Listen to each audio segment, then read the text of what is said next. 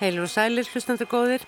Það verður haldið áfram að skoða ljóðabækur frá liðnu ári í þætti dagsins. Undir lokþáttar hittum við Rebekku Sif Stefánsdóttur og ræðum við hana um fyrstu ljóðabók hennar sem ber titilinn Jarðvegur. Jarðvegur er afar persónuleg ljóðabók en hefur jafnframt ríka almenna skýrskotun.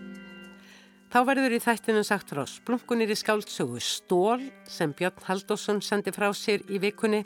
Stól er ekki síður personlegt verk en jarðvegur þótt með öðrum hætti sé. Björn mætir hingað í hljóðstofu eftir rúmar tíu mínútur og segir okkur frá ferðalagi sínu og föður síns sem var kveikjanar ferðalagi batta með föður sínum í skáldsögunni Stól. Allra fyrst ætlum við að heyra aðeins í sérfræðingi um það sem kallað er personulegt og eða sjálfsæfisögulegt í skálskap. Greina fræðin þetta kortvekja með sama hætti og hver er saga og staða sjálfsæfisögulegra skrifa í bókmyndunum.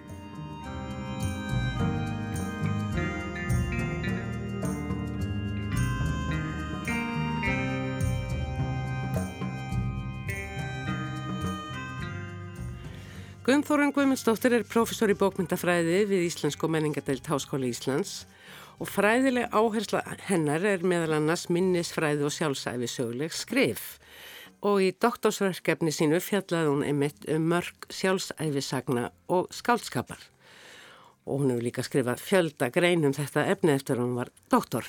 Sæl Guðmþórun og takk fyrir að koma hingað og upplýsa okkur svo litið mig og hlustendur um svona megin línur í þessu personulegu skáldskapur, sjálfsæfisögulegu skáldskapur. Er það, er litið á það sömu augum? Personulegu sögur, verk? Já, sko, það fer, það fer ansi mikið eftir, uh, sko, bara tíðarandanum uh, og uh, hérna ströym og stefnum í bókmyndum hverju sinni. Hvað Já. við lítum á sem sjálfsæfisögur og hvað sem skálskap, hvað við setjum í hvort flokkin. Uh, sko, svona varðandi tíðarandana þá náttúrulega uh, skiptir máli hvað, hvernig við lítum á reynsluna, reynsla einstaklingsins. Og til dæmis núna er hún svona í hávegum höfð. Mm. Reynsla einstaklingsins eru mikilvæg fyrir alla umræðu og ekki síst traumatísk reynsla. Og þá verður kannski svona sjálfsæfis sögulegur skálskapur eða sjálfsæfis sögur líka bara meira áberandi innan bókmyndana.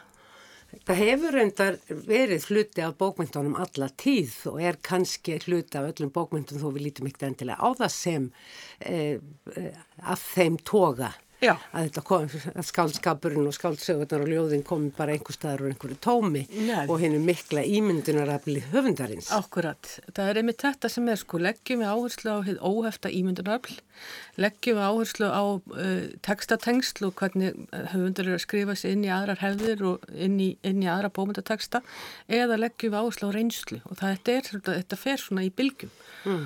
en sjálfsafið hefur náttúrulega fyllt skáldsögunni alla tíð og svo náttúrulega fræga þroskasaga. Já, ekki einmitt. síst sagan um það að verða ritthöfundur þá eða skáld og byggir þá höfundurinn ofta á sinni einn reynslu. Þetta hefur alltaf verið til og, og hérna og auðvitað hafa höfundur alltaf verið að nota eitthvað úr eigin lífi eða lífi fólks í kringum sig í, í, skálskap en þeir náttúrulega umbreyta einhvers konar veruleika í skálskap þannig að tengslinn millir veruleikans og textans eru kannski eitt endilega eins svona Uh, já, hrein og beinum að hendur já, sko. mjög skýr mm. ástæðan fyrir því ég baðum að ræða við mig aðeins um einmitt þetta er svo að hér á eftir ræði ég við tvo höfundum bækur þeirra annars vegar skáldsög og hins vegar ljóðabók sem báðar byggja uh, og vinna úr áfalli sem sagt þetta einmitt það sem varst að nefna traumatísk reynsla uh, skáldsagan gefur auðvitað meira rúm í til að tíunda svona forsöga það sem gerist og, og umhverfi og samhengi en í ljóðið er meira svona á punktinum og skapar kannski að sínuleiti frekar möguleika á að vísa áfram veginn, undistrykka vonina. Ertu sammála þessu? Hvernig er með ljóðið í þessu samhengi uh, sjálfsæfisögulegra legs skálskapar? Já, það hefur nú verið fjallað um það alveg frá því að, að Wordsworth skrifaði eins konar sjálfsæfisöguljóði Uh, en ég held að það sé eins með ljóðið í raun og veru og, og, og prósan sko að það, það er bara svo, það er ekki held ég svona hægt að segja ljóðið sé almennt séð á einhvern máta eða sé nýtt einhvern veginn öðruvísi heldur en prósin að þessu leiti sko. Mm. Ég held að það sé, það sé bara, það er svo mísjamt sko hvort þetta er, auðvitað er, er ljóðið getur verið náttúrulega kannski meiri elegíja Uh, mm. og e- einhvern veginn minnast horfins tíma Svona saknaðarljóð Saknaðarljóð og, og, og hérna og, og svona, þetta, svona svolítið með þessa dauðavitund svolítið sterka oft á tíðum mm, uh, en þetta með vonuna veit ég ekki alveg hvað hvort það sé þetta heimfara endilega Já, hefur ekki verið rannsaka til lítar Já, mögulega en ekki svo ég viti. Nei, en það er kannski það sem að gefur mér þessa hugmynd er kannski það að ljóðið er hefur tilneingu til að vera kannski svo litið óræðara, meira abstrakt heldur en uh, prósateksti. Já, vissulega. Uh, það, hefur ekkit endilega sko, uh, ja, sko skýra frásögn þó að auðvitað séu til frásagnarljóð. En hins vegar í ljóðunum þá er það náttúrulega ákveðin svona enn meiri beintenging við höfundin, ljóðmælandin og höfundurinn eru oft Já. renna mjög mikið saman í eitt mm. sem að sögumenn og það er ekki áfall til nei og, og, og, og sem sögumenn í skálsögum gerir það ekki endilega sko mm. þannig að, að, að það er náttúrulega þessi, þessi svona að því ofta litið og ljóðið sem einhvers konar einlaga tjáningu alltaf þó það sé alls ekki þannig sko uh, Skálsagan sem hér um ræður heitir Stólur eftir Björn Haldásson og segir frá líklega raunverulegu ferðalagi sem hann fór sjálfur í með döðvona föðu sínum og síðan er spunnið út frá þeirri atbyrðarás. Eh, en hann breytir í rauninu öllu sem að, öllum svona staðrendum, nöfnum, líklega stöðum, á, kannski ákveðinu framvindu, starfsheitum, jáfnveil kynneið. Um, og sagði mér, eða segir mér í viðtælinu hér á eftir að það gera hann til þess að skapa skálsögunni sinnheim því að hann vilji halda uh, sínu, sinni minningu, sinni uh, sko, personlegustu reynslu fyrir sig og sína. Um, þetta með að breyta nöfnum og, og svona sveia atbyrði, hvernig er það algengt í skálsæfisögum, er það enkenni jafnvel? Uh, eða svona sjálfsæfisögulegum skrifum það, það er einkenni náttúrulega að, að þú umbreytir reynslunni í skáldskap. Auðvitað gerur það alltaf einhverju leiti þegar þú ert að skrifa sjálfsæfisögu en þegar þú ert að skrifa skáldsögu þá náttúrulega gengur umbreytingin lengra og þú ert ekki bundin af þessum sem hefur verið kallaði sáttmáli við lesandan um að þú sérst að segja einhvern veginn satt og rétt frá eða, eða eins, og, eins vel og þú mannst atbyrðið eða eitthvað slíkt. Heldur ertu að skapa skálskaparheim og það er náttúrulega það er svolítið annað fyrirbæri heldur en að, að setjast niður og segja nú ætlum ég að skrifa. Nú ætlum ég að reyna að muna og, já, og ef ég man ekki þá spyr ég einhvern og svo framvegs Já, emitt og hérna og auðvitað er skálskapur er, er náttúrulega nátengtur hvoru tvekja en, en, en skáldsagan náttúrulega er frálsara forma því leiti að þú náttúrulega ferð inn í einhvern annan heim og auðvitað eru þá Býr koma náttúrulega... Býr til personur já, að hluta til. Já, og svo ertu náttúrulega búið til, eins og ég sagði áðan, úr öðrum textum og mm. svona því bókmynda umhverfi sem þú hefur nærst í að, að, að náttúrulega svona skáldsögur verða líka til úr, úr því en ekki, ekki bara eitthvað svona sjálfsbrottið mm. uh, hérna reynsla, áfalla reynsla eða eitthvað slíkt mm. sko. En við sjáum náttúrulega hvað þetta kannski form er áberandi í dag eins og með hérna bók Elisabethar Jökulsdóttur sem fekk bókmyndafelinni núna. Nákvæmlega, nákvæmlega. Og hún breytir ekki nöfnu, hún bara fer. Já, einmitt. En samt finnum að svo vel gagvar þeim texta að þetta er skálskaparteksti. Þetta Já. er ekki uh, hérna uh, reynslufrásögn. Nei, en einmitt sko, ég held að það sé, ég, sko ég held að þetta er, þetta er og hefur alltaf verið svona sko skali frekar en eitthvað annarkvort eða. Já. Af því að höfundar sem er að skrifa um, um fortíðina er alltaf að nota aðferðið skálskaparins. Það gera það á mismunandi hátt, auðvitað verið sumar svona sjálfsæðislu og texti meira eins og bladamennska en, en annar er, nær skálskapnum og þetta, Mm. er svona, þetta er svona skali og ég held, mér finnst það ráðast því að þetta náttúrulega komið fjölmargar bylgjur þar sem svona tekstar eru áberandi og, og það fer, eins og ég segi, ofsalega mikið eftir því hvernig við lítum á einstaklingin, sögans og fortíð og, uh, og þetta sjálfsafissan hvort hún er jafn undirskipuð skálskapnum eins og, eins og svona áður var sko. og hefur verið, er það kannski alls ekki lengur því að við Nei. hugsaum til dæmis um verk Karl Óvis Knauskott, hins Já. norska, baráttu mín, barátta mín. Guðnþórun Guðmundsdóttir þakka þér kellega fyrir að koma hérna við hjá okkur og upplýsa okkur í stuttumáli um þetta samhengi allt saman. Kæra þakkir. Mínar álegin. Takk.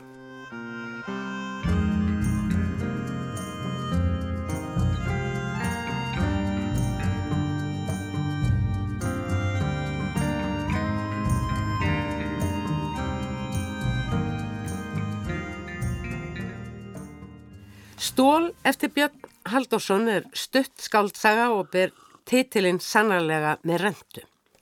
Það er reyndar sjálfgeft að sjá þetta orð stól sem vísar til skorts, stöðunar, oftast nær á hefni og yfirleitt aldrei notað eitt sér en talsvert í samsetningum. Talað um listarstól og málstól og núna fyrir jólinn sendi Girður Eliasson frá sér ljóðabókina Drömstól. Þá er stól oft hluti af lýsingarorði í samhenginu til dæmis að vera vitstóla. En sem sagt, snakkarlegur og afar viðigandi titill á bók sem segir frá ferðalagi, útilegu, föður og uppkomins sonar. Fadurinn er veikur og líður af margskonar stóli. Það er skorti eða stöðun og hæfni. Þá má segja samband feðgana einkennist líka af stóli. Það er sonurinn Batti sem segir söguna en er hann ábyrgi aðilinn í þessu ferðalagi. En fadurinn er döðvona vegna heilaækslis og hefur ekki lengur tök á máli sín og hugsun, minningar margar nær algjörlega hornar þótt stundum dúki eitthvað upp. Þessar afleðingar af veikindum föðurins eru þó ekki það eina sem veldur stóli í samskiptum feðgana. Fadurinn hafði á sínum tíma horfið meir og minna úr lífi drengsins þegar móðurinn ákvaða að arka sína leið einn á samt sininum sem þá var barnungur. Þegar hér er komið sögu hefur Battu um nokkra hríð verið búsettur í New York þar sem hann átti kærasta eða sambilismann og hafði um einhver tíma unniða sinni fyrstu skáldsögu. Björn Haldursson, velkomin í þáttin orðum bækur og til hamingju með þessa stuttu, átakanlegu en líka á köplum daldi fyndnu, ég veit ekki hvort ég má segja það, skáldsögu um samveru föður og sonar á síðustu vikum í, í lífi döðvona föðurins. Þú byggir þessa skáldsögu á personulegri reynslu. Þú mistir föðurðin vegna ykkinni heila æslis fyrir fáinum orðum. Segðu aðeins frá því hvernig svo ákvarðum kom til að skrifa um þetta skáldsögu. Hvað var þér mikilvægt? Sko, það var svo sem aldrei ákvörðun. Það var bara, ég var að skrifa, ég þurfti að skrifa og ég gati ekki skrifað um neitt annað. Það var ekkit annað upp á borðinu. Þetta var svo stort og mikið og, og þetta er í rauninu svolítið sérstakt að vera að gefa út bókina sko núna. Það er svolítið eins og setja ákveðin punkt yfir ferli sem tegir sig miklu lengra aftur heldur en nákvæmlega þann tíma sem tók að vinna hana sko. Mm. En ákvörðunum að gera skáldsög var, samt alltaf til staðar og það var, ef eitthvað er þá er það í rauninu bara hrein og klár eigingirni. Ég vil bara eiga mína minningar um pappa bara útaf fyrir mig og, og með mínu fólki. Maður náttúrulega geymir minningar oft svona saman í hópum eða fjölskyldum mm. Og mér þykir bara allt og vænt um það. Þú vildir ekkert fara að opna myndaalbúmið, fjölskyldualbúmið? Nei, nei, ég, mér finnst það bara draga úr því sem minningar eru í rauninni oft á tíðum. Ég, ég vil, vildi ekki hamra saman einhvern svona söguþráð utanum þess að bara stóru og miklu reynslu til þess að rauninni einoka þá fyrir mig að setja inn einhvern farfi og ég vil kannski hafa, hafa þá áhrif á þar minningar sem við eigum saman fjölskyldan og sem vinnahópurinn hans pappa á og það var svo margir sem komið að þessum atburð þegar hann var að kveðja. Mm, hann var svo rosalega opinn maður. Hann var náttúrulega, hann var uh, höfundurinn arkitekta til listaháskólans já, já, og, uh, og ábyrrandi persóna á já, þessum tíma í upphafi Listaháskóla Íslands. Einmitt, en hann var líka bara svo opinn, og sem er sjálf, oft sko þegar fólk veikist sko þá lokar það á sig og eitthvað sluðið sem pappi var ekki þannig, hann vildi hitta fólk og vera með og var ekkert að kippa sér upp við það skilur þótt að mm. einhver ætti erfitt með þú veist að framkominu eða eitthvað svoleiði sko, hann var ekkert að láta það stoppa sig að fara út og lifa lífinu alveg fram á síðasta dag sko. Mm. og ég var mjög heppin með það. Einmitt.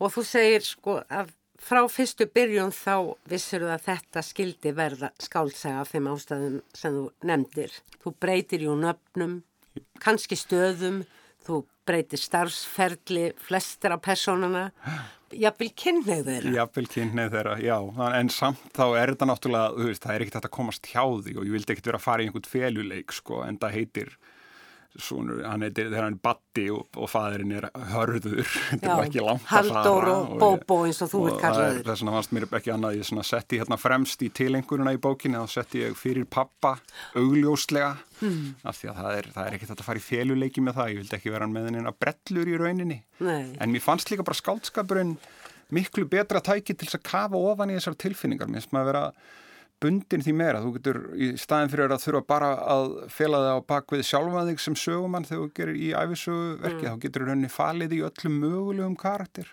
og það er bútur af personunum öllum, það er bútur af mér í öllum þessum personum að einhverju leiti í rauninni, mm. frekar en að, að endilega, snertir ekkert endilega á fólkið þar í kring. Þú hefur áður skrifað uh, sentráði smásagnasafn, uh, smágleipir Er þetta ekki svona aldrei almennt svona í skálskapnum að, að skálskapur er oft miklu sjálfsæfisögulegri heldur en maður skildi ætla þegar maður lesa því að höfundurinn getur náttúrulega ekkert skilið sjálfan sig eftir sem personu fyrir utan bleki sem streymir úr pennanum sem hann heldur á.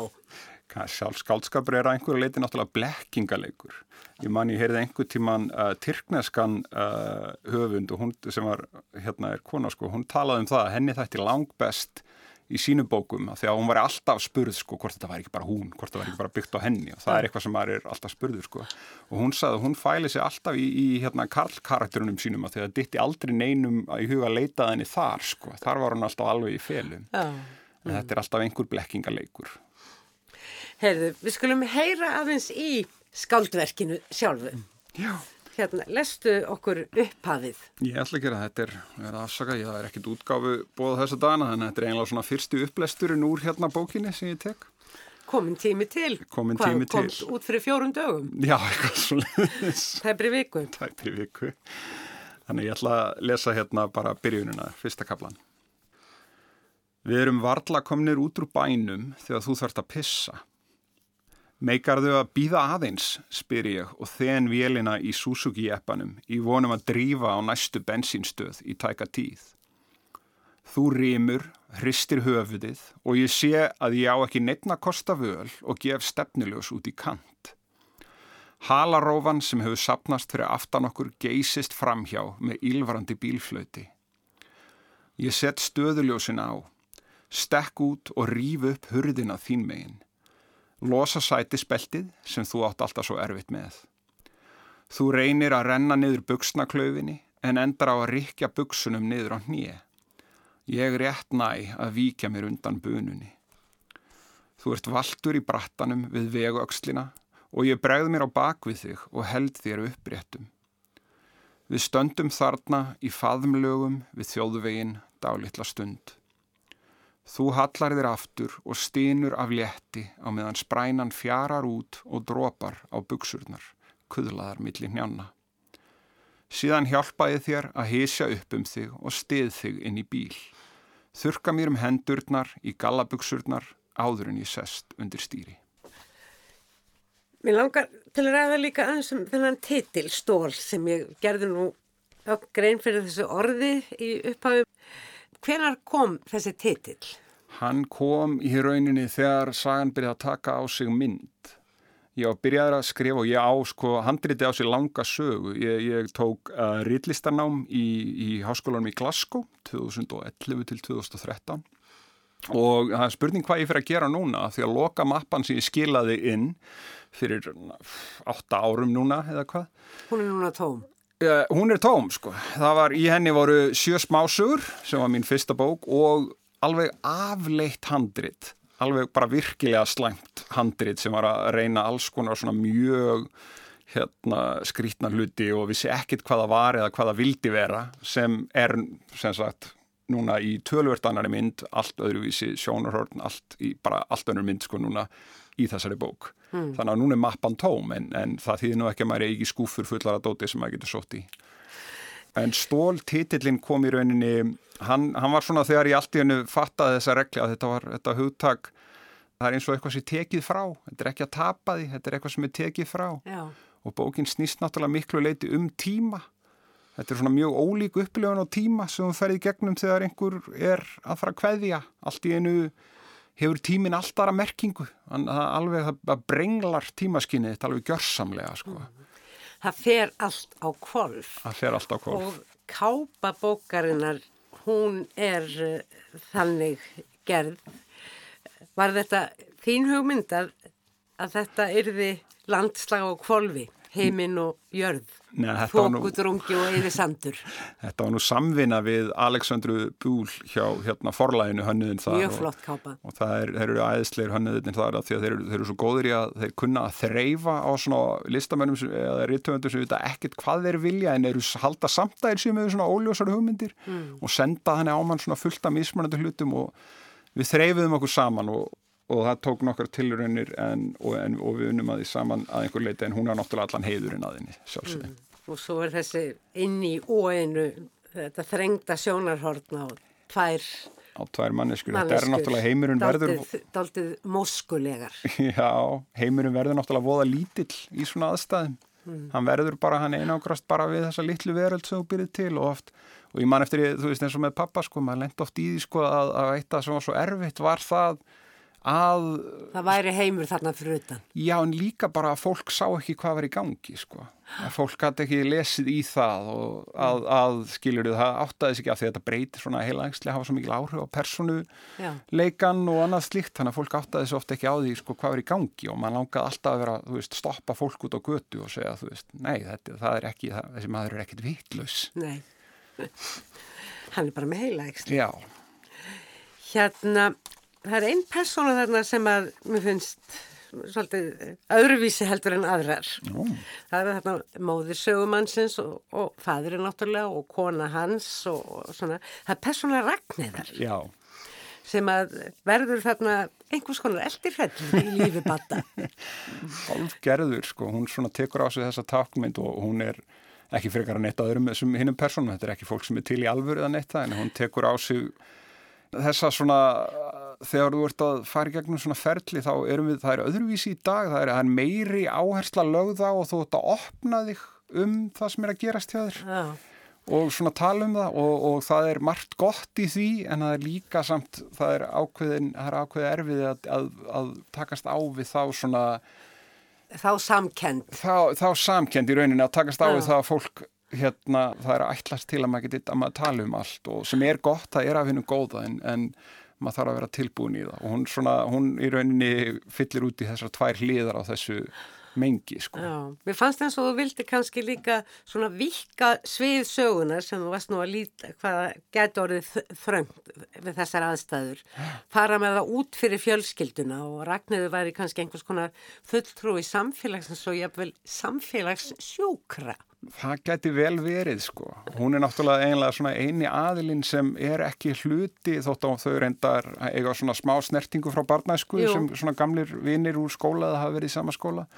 Þá er hún í rauninni eini aðilinn í bókinni sem er ekki veist, fast ofin og bundin saman við þessa fjölskyldusögu sko. og, Og hefur líka sinn sjúkdóma uh, kljást við. Já, og sína eigin fjölskyldusögu sem, kannski, sem hún ber ekkit endilega utan á sér. Nei, nákvæmlega. Þú gefur hverjum kabla svona aðfarar tilvitnun. Já, Síðasti kaplinn fær tilvitnum frá Kurt Vonnegut um þá staðhæfinga hvert augnablík eh, hverfi og komi aldrei aftur og hann, Kurt Vonnegut segir að það sé ekki satt. Augna, öll augnablík vari að eilífu og svo er það örstutt tilvitnin í Þorgils á rauð, rauðnefstöðum Þorgils á rauðnefstöðum, já. sem að tengist eitthvað hellunum undir, undir eigafjöllum og byrju hvernig hljóma svo tilvöldin, hún er svo stert á lagu. Dáttega mennirnir á fjöllunum núna. Alveg rétt. Ég var setni hluti bókarinn að gerist mikið svona inn á hálendinu og þá lág Já. ég alveg í að því að ef það er eitthvað sem íslenski lesendur fyrir... Hrappingar á heiðavegum, þú nefnir já, þá bók. Já, en líka ferðafélag, árbókum ferðafélags FI, sko. Ég las alveg bara spjaldan á milli árbækurnar, hvað, 1976 og 1970 líka að því að það er eitthvað sem íslenski lesendur fyrirgefa þeir ekki, þá er það annars vegar málfræði og eins og það landafræði. Þannig að maður þarf að passa það, en þar líka bara fann ég ímislegt sem svona hjálpaði mig til þess að í rauninni breyka þetta augnablík, þetta augnablík sem Vonnegut talar um sem, að, að, sem að þetta sé allt eitt stort augnablík og þetta er frásögnin er náttúrulega í nútíð, hún er svona bundin í þessu núi. Mm. og mér var svona, svona heillandi sko að geta teiktana svolítið í allar áttir, að geta teiktana tilbaka í bjarbarnæsku batta, geta tekt hana lengra en það, geta tekt hana allarleið bara langt aftur í tíman og jafnvel í sumt að geta tekt hana í framtíðina líka sko. Mér finnst þetta takast það mjög vel ja. að leifa okkur að slást í för með þeim feðgum viðsvegar ja. þó að sagan sé öll sögð af uh, sininum. En þriði höfundurinn sem þú vísar til er Breeze DJ Pancake. Já, sem fáir hafa heftum. Ég googlaði og er bandarískur smásagnar höfundur Já. sem lést fyrir hvað, 40 árum. Eitthvað svo leiðis þetta, hann bara, ég talast undir við höfundar sem segjast, sko, eða ég hef heyrt höfundar segja að þeir reyna að lesa ekki þegar þeir eru að skrifa af því að það, hérna, þeir hafa ágjörð að smitast og mér er alltaf fundist, sko, smitið er bara líkil atriðið í þessu. Og ég alveg það sem ég les leiðir mig áfram í því sem ég er að skrifa og verður oft bara ákveðin björgunarringur og þetta er líka, þetta er í rauninni þetta er svona speglað samband að því leiti að þetta, þegar ég er að vinna í einhverju því ég komin djúft inn í eitthvað verkefni eða einhverja bók og er að reyna að ná einhverju þá byrja ég að sjá bókina í öllu því sem ég les og öllu því sem ég sé og allstaðar en ég, þú veist ég, mér finnst gott að leiða það áfram og mér finnst engin ástæða til þess að fara í felur með það. Þetta hefur verið, þetta, þessi bók var bara af því hún er persónuleg og það eru margir svona fletir á henni þá var þetta langt ferli og bara erfitt. Og fyrir utan að ég þurfti að læra að skrifa skáldsug alveg frá grunni, ég hef aldrei gert það áður. Og ef þú hefur bara skrifað smásugur þá er, þá er það eitt erfiðast að það er svo mikið pláss í skáldsugunni, þú ert með mm. þvílíkt olbúarum sem þú ert ekki með í smásugun í smásugum veistu nokkur en alltaf nákvæmlega hvað þetta gera, af því þú ert ekki með pláss fyrir neitt en nema það sem kemst fyrir í rammanum. Þannig ég þurfti að læra það allt og það voru svona ímiskonar uh, höfundar sem eruðu með leðarljós þetta eru alls ekki allir, þetta var bara svona eitthvað sem ég týndi til sko, mm. að því mér fannst það svona brekka sjónasvið en það var mun meira í rauninni og það er alltaf hluti af ferlinu mínu Akkurat. Mér langar að lókun til að spyrja þig ættingjarnir sem að þarna komum við sögum. Búið þeir ánaðið með bókina?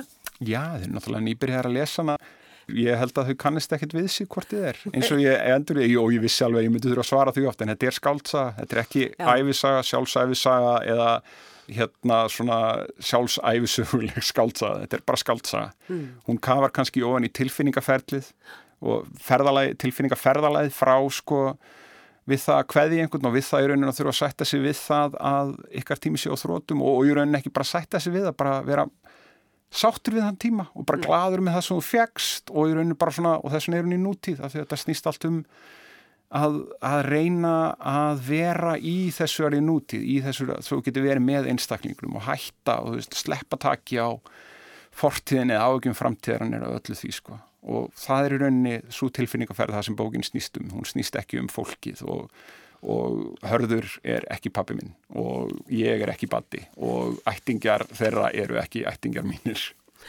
Einmitt. En þetta er mjög sterk skálsaga einmitt um þetta að staldra við í þessu augnabliki þar sem að tíminn eins og þú sagður verður svo undarlegur og það eru lók en það er líka framhald. Algjörlega, þetta er það eru ekki oft sem að uppgöta eftir þetta sem upplifir eitthvað það sem að er svona fyrir og eftir. En það að hvaðja fóreldri það, er, það eru skil og það er tími fyrir það og það eru tími eftir það. Einmitt. Björn Haldarsson, kæra þakkir fyrir komuna í þáttinn Orðum bækur. Takk fyrir að bjóða mér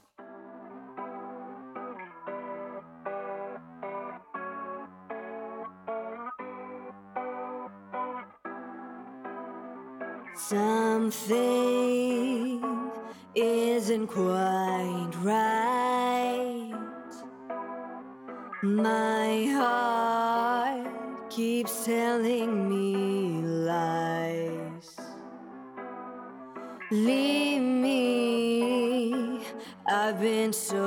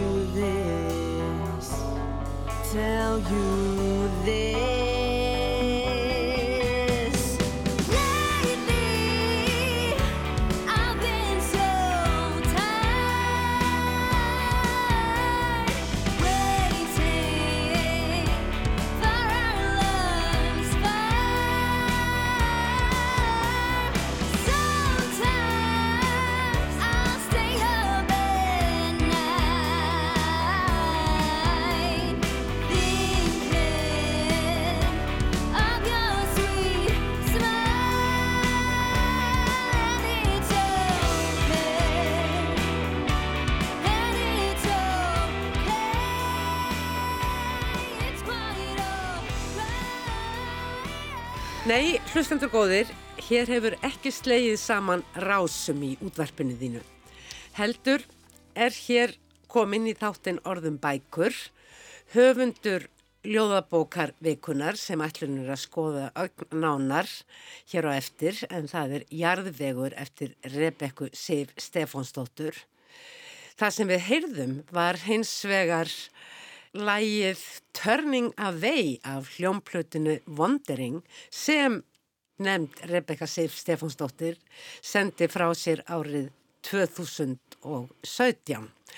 En fyrir utan að vera útskrifuð, er það ekki Rebekka Sif, mm úr meistaranámi í Ridlist, þá hefur þau lokið námi í klassiskum söng og eins og ljóst má vera því sem við heyrðum líka gefið út svona pop-rock plötu með eigin lögum og textum þar sem þú bæði syngur og leikur og gítar. Já, með hljómsett, ég með hljómsett. Ég bara segi til hamingi og tek ofan fyrir uh, þessu viðfæðmi þínu. Áttur þú svolítið erfitt með að gera upp við þig hvert þú stemdir í sambandi við listræna tjáningu eða hvaða vettvang skildi velja? Já, sko, máli var að tónlistin og söngurinn fekk að vera í fyrsta sæti í mjög langan tíma, alveg frá því ég var barn. Þó að hérna, ég hafði alltaf verið að skrifa smásögur og ljóð líka.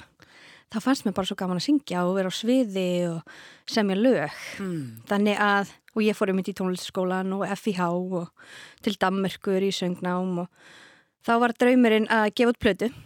En svo kom platan út þá hugsaði ég, hvað er næstu draumur? og þá hérna var ég að fylgjast með vinkonu minni sem hafði skráð sér í list í háskólanum.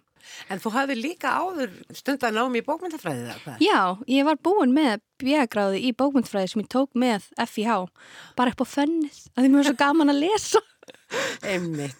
Ég sá nefnilega líka að þú ert uh, sko gildur limur í svo kallum lestrarklefa sem er afar skemmtileg heimasíða eða afar skemmtilegu vefur öllu heldur Já. sem fjallar um bókmyndir bara frá ólíklegustu hliðum og jafnvel sitt hvað fleira. En af okkar megin viðfangsefni hér og nú, ljóðabókinni Jarðvegi, þetta er afar personleg bók, Rebecca, eins og aðfarar orð hennar bera með sér. Þú lest þau kannski fyrir okkur Já, til ég að skal. byrja með. Skal gera það. Ég býð sorgina, velkomna, ríf upp sárin, orðin flæða. Þetta er bók um áfall Já, í kjölfar mikill að væntinga eins og lang oftast er raunin þegar nýtt líf kviknar innra með konu. En jafn mikil, jú, líka sorgin þegar þessar væntingar ganga ekki eftir. Þegar að líf sloknar eða eins og segir hér í ljóðinu svart hvítur skjár. Ég sá hjarta slá. Ég sá hjarta slá. Ég sá hjarta slá rétt áður en það stöðvaðist. Hvernig, segðu mér aðeins frá þessari bók áður en við förum nú að taka hana alveg í sundur. Já, Það er greinlegt að þetta, þetta byggir á þinni sárureynslu sem þú vinnur úr í, þess, í þessari bók. Var það yfirlöðu ráði að nota þetta sem þú kant svo vel og ert búin að læra, skáldskapin til þess að vinna úr þessu eða gerðist það bara í ferlinu? já, sko, máli var ég var náttúrulega í reillistanámi þegar þetta skeður. Ég missi þarna tvö fórstur á mjög stöðnum tíma og næf og lítið einhvern veginn að vinna úr því og þetta fyrir rosalega illa með mig. En það að vera í náminu var til þess að ég var alltaf að skrifa og allir textanir urðu svo dökkir og myrkir og Allar afleðingar og hugsanir og tilfinningar sem að því fylgdu. Já, það var bara, það var ekki hægt að komast í eitthvað annað. Þetta var bara efst í huga og þannig byrjar náttúrulega ljóðubókin að hérna, það er verða til ljóð sem ég svo finn að það eru miklu fleiri ljóð og eins og ég segi þarna í upphafi að ég svolítið þegar ég er áttum á því að ég er með ljóðubók sem að ég vil skrifa þá rífi ég upp sárin og svona kafa alveg ofan í Þá eru nokkur ár liðin eða hvað? Nei, í rauninni ekki. Þetta var rosa stutt. Þetta gerist allt 2019.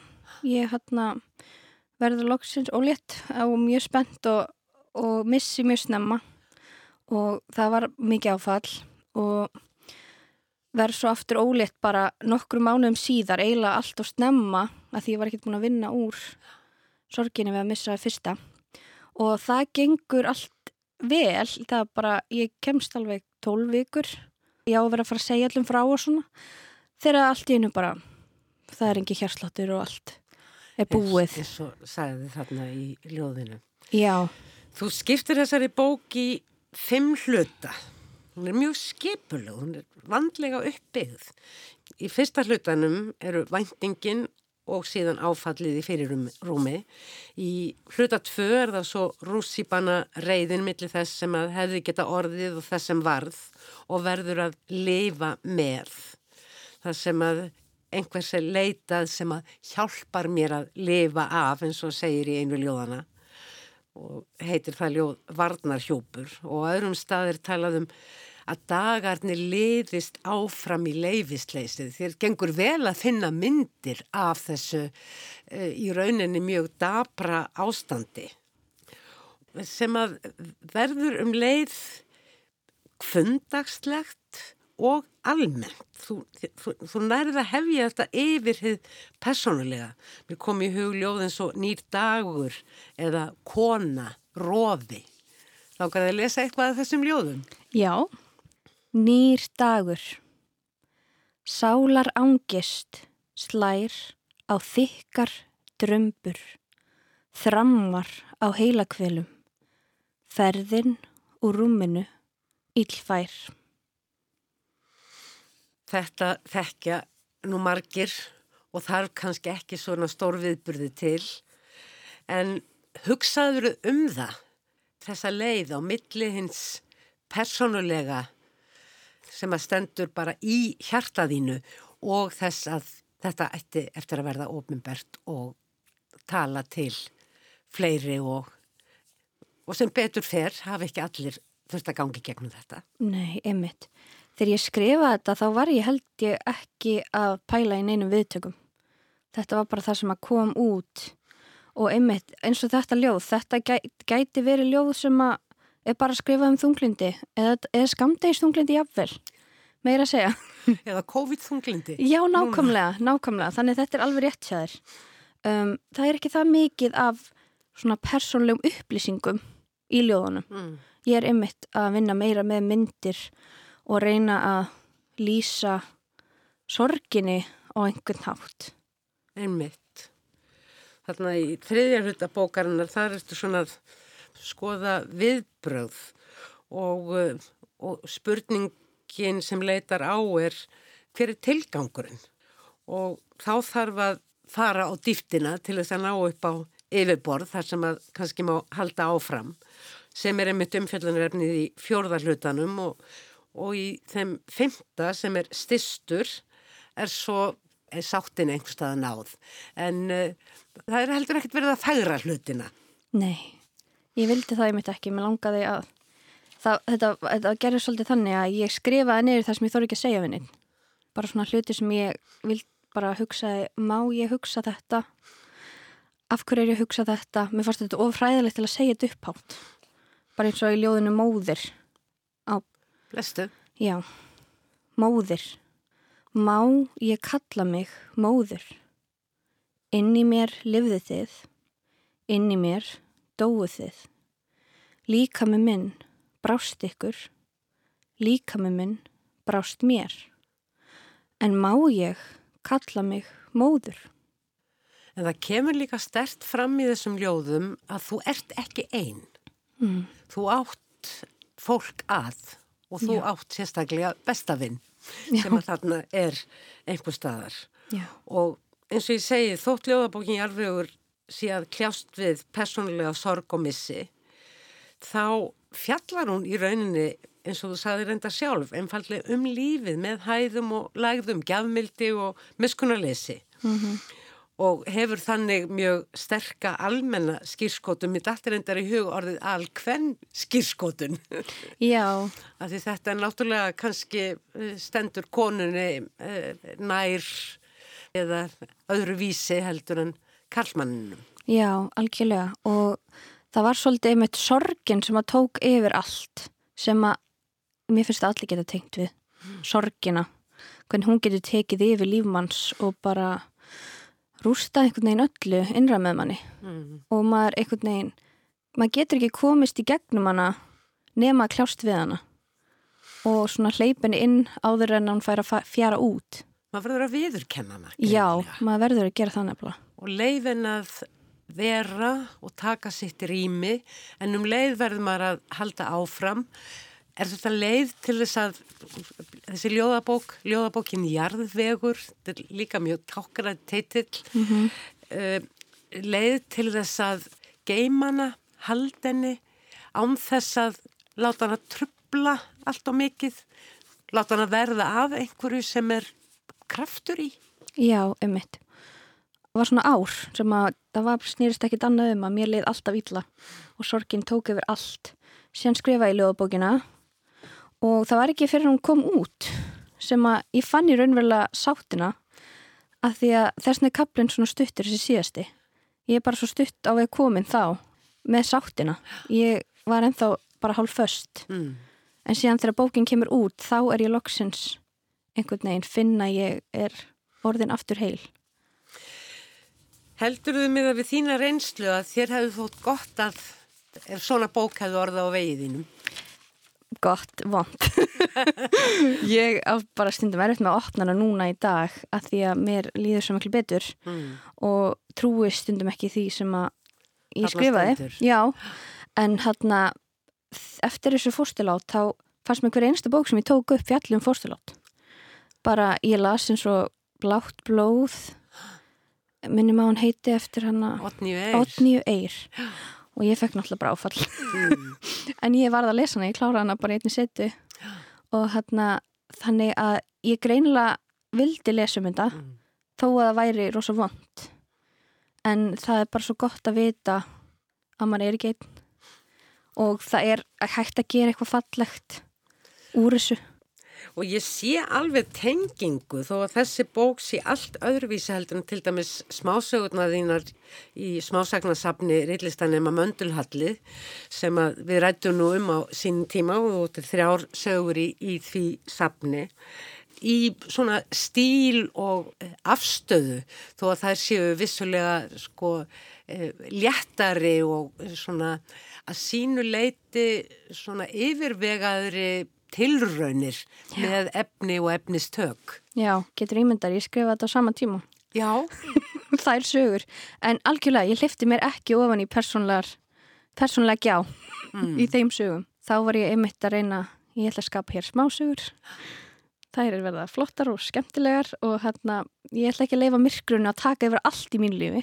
En þá var þessi bók náttúrulega bara í öðru skjali sem að ég gætt fengið útrás í Hérna, viltu að lokum velja þér eitthvað ljóð? Áttu, eitthvað eftirlætist ljóð, eitthvað ljóð sem að þér er, já, sérstaklega erfitt eða veitir þið sérstaklega huggun? Já, það er eitt ljóð sem heitir Vá sem var eitt af fyrstu ljóðunum sem ég skrifaði eftir fyrsta fórstulóti og eða já, ég var ólitt af setna og hérna og ég var svo hrætt og ég var, mér fannst þetta vofa yfir mér alla daga að ég gæti mist badnið og ég væri að fara að missa badnið og þetta oldi svo miklum kvíða að ég bara valla funkaraði og síðan alltaf gerðist það. Þannig þetta ljóð bara finnst mér eitthvað svo magnað að því að það hjálpaði mér. En ég sá sjálfa mig fyrir þessu ljóði. Mér fannst þetta ljóði vera bara ég í mjög langan tíma. Vá. Velti fyrir mér. Vá.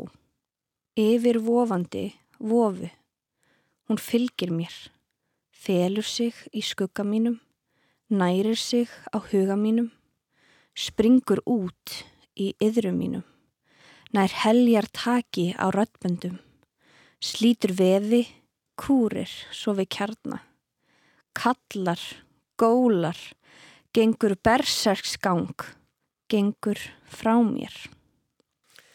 Já, þetta er nú ekki laust við að vera gæsa húðar ljóð.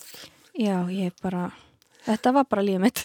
Já, en hvernig er lífið núna? Hvað ert að skrifa núna eða hvað ert að gera? Þú hefur jú líka verið mikið að kenna en það er kannski ekki svo auðsótt nú Nei. á þessum tímum. En hann, já, ég hef verið söngkenari frá því ég var tvítug og elska að vinna með fólki og hjálpa þeim að bæta röddina sína og núna er ég að kenna upp í háskóla sem stundakennari. Bæði fræðileg skrif og núna skapandi skrif í vor og mér finnst það alveg indislegt, mér finnst það svo gaman. Mm. En síðan með því er ég, ég er að fara að gefa út nýtt lag, Okay. leifa tónlistinni, hleypinni aftur inn aðeins, en já, ég er búin að vera að sk- skrifa batnabók og nóvelu. Já, bara svona að reyna, Mm. að reyna að koma því eitthvað í farveg. en skrifin eru þér mikilvæg og, og skemmtilegt árændi verkefni. Já, klárlega. Og eitthvað sem að mér líður alltaf eins og, já, við þurft að gera út frá að komast í gegnum erfiða tilfinningar og það byrjaði svo snemma. Sem er líka svolítið slæmt að ég skrifa svo mikið þegar mér líður illa. En já, þau eru eitthvað sem ég verða að gera líka. Sinna skriftunum. Já, Mm. Eh, Ertu með minnisbók eða bara síman, talar þú kannski inn í síman eins og, já, ég tala stundum í síman. nei, ég meina, þú veist, hugmyndir? Já, algjörlega, ég ger, ég ger það klálega. Uh, mér finnst best að sitja við tölvu og bara byrja að skrifa. Ég hef ekki náða að temja mér að vera með minnisbók. Þingdarafl. Auglókin þung, líkami þungur. Aflið tógar mig niður á jörðina. Jörðin er græn, jörðin er brún, jörðin er rauð. Jörðin er samansapn allra lita sem ég var hætt að sjá. Þið eruð jörð. Þetta var fyrsta ljóðið í síðasta hlutanum, þessum hluta sem að er einhvers konar upprisa og, og sátt eh, eftir því sem að tök eru á. En fallegt Mm -hmm. og uh, ég segi bara takk fyrir þessa bók sem að veitir okkur insýn og, og gefur okkur tækifæri til þess að hugsa um hluti sem að sem betur fyrir ekki allir verða að hugsa um en sem við höfum mjög gott að því að hugsa um. Já, Kæra þakkir Rebecca Sif takk sem við leiðis. Fleiri verða orðum bækur ekki að þessu sinni. Tæknimaður var Úlfildur Eistensdóttir. Takk fyrir að hlusta. Verði sæl.